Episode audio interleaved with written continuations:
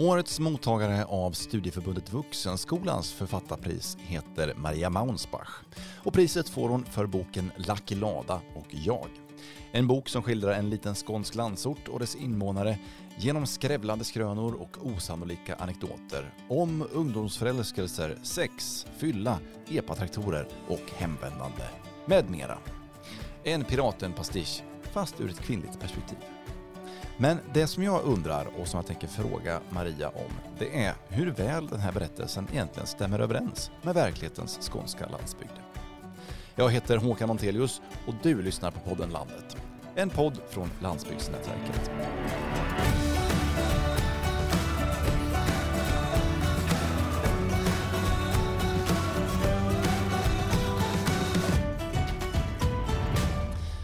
Under några juldagstimmar i Skånes mittpunkt följer vi med till berättarens dito. Från jagets födelse, via drömmar om piraten, till juldagens mål.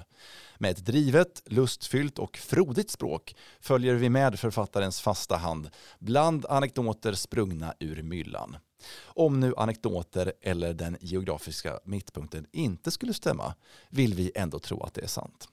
Årets mottagare av Studieförbundet Vuxenskolans författarpris tog oss till Hör och nöjespalatset Lucky Lada och är inte känd under annat namn än Maria Maunsbach som tilldelas priset för boken Lucky Lada och jag. Så lyder motiveringen från juryn och nu säger vi varmt välkomna till podden Landet och stort grattis Maria! Hur känns det? Ja men det känns ju eh, jättebra. Något annat kan man inte säga. Något annat kan man inte säga och eh, nej, men det här är ju mitt första eh, litterära pris så att jag är av den anledningen också tror jag lite extra glad. Eh, så ja, nej, men jag sammanfattar det, det känns jättebra. Mm. Du, eh, det har skrivits en hel del om din bok, det har sagts en hel del om din bok, fina recensioner generellt sett. Eh, men om vi skulle börja med att bara beskriva vad den här boken handlar om. En roman om kärlek bland annat, att älska sina vänner, sin mamma, platsen där man vuxit upp och kanske till slut även den man varit och den man är. Om du själv bara skulle vilja berätta bokens handling, vad är Lucky Lada och jag för en bok? Ja, du, ja men låt oss säga så här. Den utspelar sig alltså den 25 december och eh, vår huvudperson Freja Morgonstjärne hon är författare och hon befinner sig i sin eh, barndoms uppväxtby Hör för att eh, hennes nästa bokprojekt är att skriva en parafras, alltså en version av Fritiof Nilsson Piratens Bomb i Bitt och jag. Men hon har fastnat på slutet. Hon, har inte, hon kan inte komma på hur hon ska avsluta. För den boken, alltså Bomb i Bitt och jag, slutar med en sån, ett otroligt långt kapitel med alla tänkbara grejer. Alltså det är liksom ja, det är Kiviks eh, marknad. Ja, det är Kiviks marknad och hon har ingenting. Alltså det är liksom så här hästkastrering och hit och dit och cirkustält och alltihopa. Och hon känner inte att hon har något då som kan jämföras med detta. Men hon har bestämt för att hitta det så ska hon gå ut och leta. Och då ska hon för första gången gå på hemvändarkvällen på Hörs enda nöjespalats Lucky Lada. Och det kan man säga ramen. Men boken handlar ju inte så mycket om det. Utan eh, det finns lite olika linjer då. Så egentligen är så här, hon, hon tillbringar dagen med sin mamma i Hör och mamman är en stor del av det här. Hon, eh, för att inspirera Freja då så eh, berättar hon jättemycket olika skabrösa liksom, bygdeanekdoter. Och de är i boken skrivna på ja, ett slags fonetiskt skånska. Och sen så har vi en annan linje som är att Freja försöker hitta någon att gå med till ladan och via de människorna hon hör av sig till så kommer också deras gemensamma barndomshistorier. Och sen så den tredje linjen som är en av de stora linjerna i boken är kan man säga att vi får följa så, sanningen bakom Freja Morgonstjärnas böcker och att det också är eh, som hennes bildningsresa kan man säga, eller konstnärsblivande. Så att eh, alla de här sakerna leder då fram till i kvällen då hon ska till Lucky Lada. Mm. Och titeln här, Lucky Lada och jag, det är ju en tydlig referens till Fritiof Nilsson, Piraten, Bombi Bitt och jag. Hela boken i sig är också en, en eh, pastisch eh, eller en blinkning till Fritiof Nilsson, Piraten. Eh, som också är en Skåneskildrare. Ja, alltså för det jag tycker är mest spännande med Fritiof Nilsson Piraten, eller ja, en av många spännande saker med honom, det är att han lyckades eh, vara väldigt stor både på landsbygden och i det akademiska Lund. Så att han, han, han claimas liksom av alla läger. Och då, eh, så då har tagit hans eh, ja, men Bombi Bitt och jag och lite så Bocke Örtagård och så som är hans skånska landsbygdsskildringar. Och sen så har jag också jobbat med Tre terminer som är hans bildningsroman som handlar om Lund. Och så har jag försökt slå ihop dem då till en stor frodig roman. Mm. Är du en ny Fritiof Nilsson-piraten? Jag vet inte och då ska jag ärligt säga att jag tycker att han är en förhållandevis kass romanförfattare. alltså så, han, är en, han är en jätte, jätteduktig berättare och han har en, en intressant blick och han har lyckats göra sig själv till en slags mytomspunnen figur, nästan gudalik bland de som älskar honom. Men som romanförfattare betraktat så hoppas jag att jag ska bli lite bättre än vad han var. ja, vi får se här ifall vi får några arga lyssnarreaktioner. Ja, det, det, kan ju vara så. Men, alltså, väldigt många är överens om att alltså, Fritiof var, han var framförallt en novellskrivare och det var där han hade sin, sin bästa, eh, det var hans bästa gren. Mm. Men du, eh, det här priset som du nu fått då från Studieförbundet Vuxenskolan, det har delat ut sedan 1954 och det går ju till en person som i sitt författarskap speglar nutidens landsbygd. Är det här i första hand en landsbygdsskildring? Ja, det skulle jag säga att det faktiskt är. Eh, och ännu mer specifikt så är det ju i första hand en skildring av det orten Hör. Eh, och det var min ambition när jag började. Jag vill skriva någonting om platsen där jag växte upp, eh, platsen där jag kommer ifrån. Och det var det jag tog mig an och det jag ville göra när jag började planera eh, för den här boken. Eh, och hur gör man då? Hur skildrar man en plats? Ja, det gör man ju via alla dess människor. Så det är därför mamman berättar massa historier om, om folk på bygden och det är därför Freja också berättar om alla sina vänner. Och, så då har man liksom två generationer som ger sina eh, på något sätt eh, eh, ja, sina historier om platsen och, och, där kommer porträttet av bygden, har jag då tänkt. Så att, ja, det är en landsbygdsskildring, men framför allt är det ju ett porträtt av Hör. Mm. Men det här är också en, en skröna lite grann i, i piratens anda. Hur korrekt skildring är det här av Hör då? Eh, eller är, är det mesta påhittat? Oh, ja men alltså som pirat så kan man ju inte eh, liksom säga vad som är sant eller inte, men jag tror... För du har ehm, förstärkt en hel del, det får man lov att säga. Ja, det, det, kan man väl anta, eller hur? Men, men, men så här, jag har ändå trots olika, olika mått av krydda så, så har jag försökt att fånga känslan av hör. Och det jag tänkte på när jag skulle skriva då, ja, men om, om, om ett litet ställe var att ja, men oftast så är de skildrade på ett antingen övervägande positivt sätt eller ett övervägande negativt sätt. Och jag ville försöka mig på en litterär skildring som man säger, ja men det är lite både och, alltså det vill säga ge en helhetsbild, eh, ett köttigare porträtt och tillåta den här platsen att vara både bra och dålig och allt däremellan. Mm. Och att man, man skruvar lite här och kryddar som du säger. Eh, det riskerar inte att bli en karikatyr av en liten skånsk eh, landsbygdsort. Nej, nej, det skulle jag inte säga. Alltså de historierna som berättas är ju också sådana som jag har stulit eller eh, fått höra från bygden. Um, så att, och, jag, och jag skulle säga så här. Eh, det du tror är kryddat är förmodligen det som är sant och vice versa. Alltså, att, eh. Verkligheten överträffar dikten lite grann? Eh, oftast gör det ju det. Och jag menar, jag hade ett eh, före för detta kommunalråd eh, som var på en av mina releaser och då läste jag en scen som är den första gången när Freja minns. Hon har varit på Lucky Lada en gång och så läser hon den scenen. Och sen så var det jättemånga som kom fram då till det här för detta kommunalrådet och sa så här. Men eh, är det verkligen så här? Och då berättade hon för mig att då hade hon svarat liksom med, med stenansikte så här. Nej, nej, det är värre. uh, Eh, när man så hör har tagit emot den här boken jättebra, vilket jag tänker är ett gott betyg och att det känns som att jag har skildrat det ja, med korrekt eller rättvist. Om man ska säga. Mm. Med kärlek?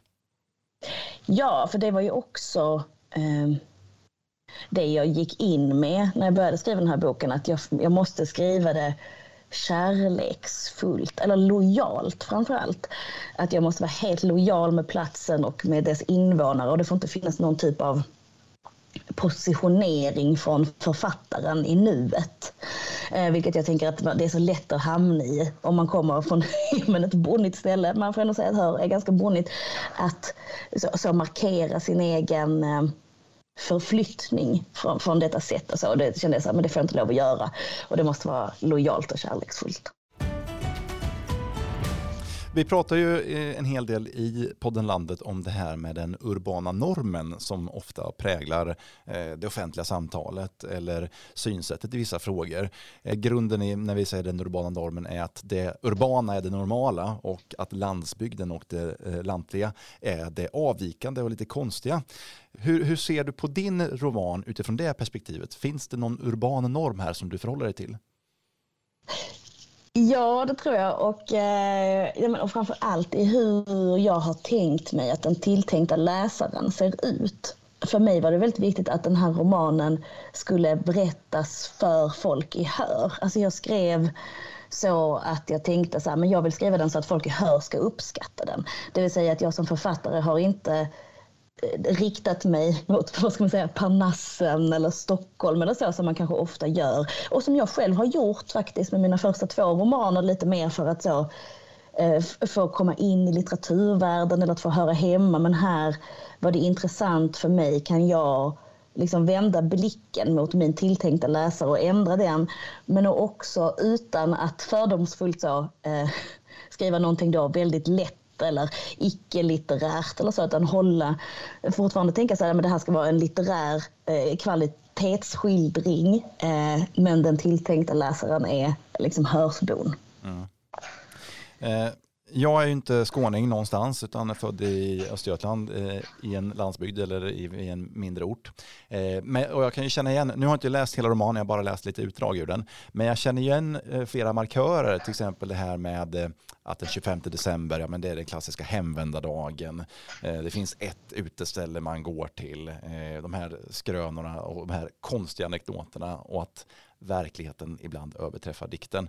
Eh, hur mycket är den här berättelsen kopplad till just Skåne och Hör? Eh, eller finns det något allmänmänskligt eller något generellt? Skulle det här kunna utspela sig var som helst i Sverige? Ja och nej skulle jag säga. Ehm, jag tror att det, det allra mest specifika är samtidigt det som i slutändan blir det mest allmängiltiga. Ehm, så att den här, den här boken handlar 100% om hör. Det handlar inte om något annat ställe. men, eftersom, men eftersom att vi alla är mänskliga och så fungerar vi på ungefär samma sätt så det är klart att det kommer att kännas igen. Och i synnerhet av sådana som kommer från en plats som är ungefär lika stor som hör. Sen finns det ju också någonting väldigt skånskt i den. Så här, ja, men det är ju ålagille och det är dialekt och det är närhet till Köpenhamn och det är alltså eh, och, och det är allting som är den skånska liksom lite dryga attityden, självkärleken. Eh, så det finns ju ett, kanske ett skånskt kynne så, eh, samtidigt som jag menar byoriginal och hur en ort på en så ja, mellan 5 och 20 000 människor ungefär fungerar. Det tror jag det kommer att vara ganska likt nästan vad som helst i världen. Mm. Du, eh, du nämnde att du har fått ett fint mottagande, inte minst i, av hörborna själva. Men eh, jag har läst flera recensioner eh, och det är ju eh, genomgående Eh, översvallande lovord. Jag ska läsa upp lite grann från Karin Olsson som är kulturchef på Expressen. Hon skriver så här att hon kapitulerar intellektuellt vid den här läsningen. Hennes kropp tar över och hon skrattar så hon gråter, roas och oroas om vartannat. Alltså, vad säger du om det här eh, enorma mottagandet som din bok har fått? Alltså jag måste säga att det har varit eh konstigt. Alltså det har varit jättehärligt och också lite liksom svårt att greppa. Um, tidigare, jag har ju läst när andra har fått sådär översvallande recensioner och sett vad som händer dem och det är lite svårt när det, när det rör en själv. Och samtidigt så tycker jag också att um, För jag har själv känt i arbetet med den här boken, som är min tredje eh, roman, att det, vet, det är någonting som har klickat till. Jag har landat mer rätt. Jag har haft liksom en mer, alltså varit mer ambitiös och, och, och velat något mer och haft en tydligare så riktning konstnärligt. Så, så på det sättet så har det varit som en så, bekräftelse om att jag är på rätt väg och har ja, men, hittat rätt. Um, och sen som med Karin Olsson så ska man ju inte glömma att uh, hon är ju från Hörby. och det, nämner du någonstans här att, att det bästa med Hör är att det inte är Hörby. Ja, eh, och jag vet inte om Karin Olsson håller med om det, men, eh, eh men, men, men, så hon är ju från grannkommunen. Men det, jag tror också så här att den där tonen som jag har valt som är ju en, ja men alltså det är, för det var, ja det kanske jag ska säga, jag har verkligen försökt tänka så att jag ska skriva så som man berättade saker i min barndom. Alltså med tonen som man talade med varandra, hur man förhåller sig till ja, med misär och berättelser och, och att liksom göra dem till roliga historier. Och så bestämde jag mig att det, här, det sättet att berätta ska också vara bokens sätt att berätta. Och det är ju så har jag förstått nu när boken har kommit ut, väldigt ovanligt, en väldigt ovanlig ton i liksom den samtida litteraturen som kanske är mer tyngd av och nu, alltså, nu tänker jag säga allvar, men min bok mm. är också väldigt allvarlig. Eh, bara det att den berättar från en, med en annan infallsvinkel. Det är lite galghumor kan man säga nästan. Ja, och att man, allvaret skrivs inte ut tydligt så, nu är det allvar, punkt. Utan det jobbar, jag tycker mer att min metod har varit så, man skrattar och sen så kommer man på sig själv så, men gud, vad är det jag skrattar åt? Vad har det betytt för dig själv att skriva den här boken? Ja, men väldigt mycket. Um, jag har haft väldigt roligt när jag arbetat med den här boken och jag tycker att den har utvecklat mig eh, konstnärligt och som författare mycket. Alltså bara just att liksom få tala till någon annans författarskap, eh, någon annans språk och sen så också att få jag menar, att få berätta om hör och att lite så komma ut som hörsbo. Som lantis. Som lantis, ja. Och det, Eh, och det har varit väldigt skönt för mig att göra det. Jag tror att jag för mig hade varit eh, tidigare att jag känt att det har varit en nackdel, vilket det kanske är när man är lite yngre och vill in i kulturvärlden. Då är det ju en fördel att komma från en miljö med fler kulturella liksom, institutioner och så, där man har i närheten till kulturen. Men eftersom att jag nu är inne så inser jag att det som jag har erfarenheten av av landet, hör Skåne så. Det, det, det, är jättevärdefullt för det är ganska få som har det. Um, så det har varit en resa så, verkligen inuti mig själv.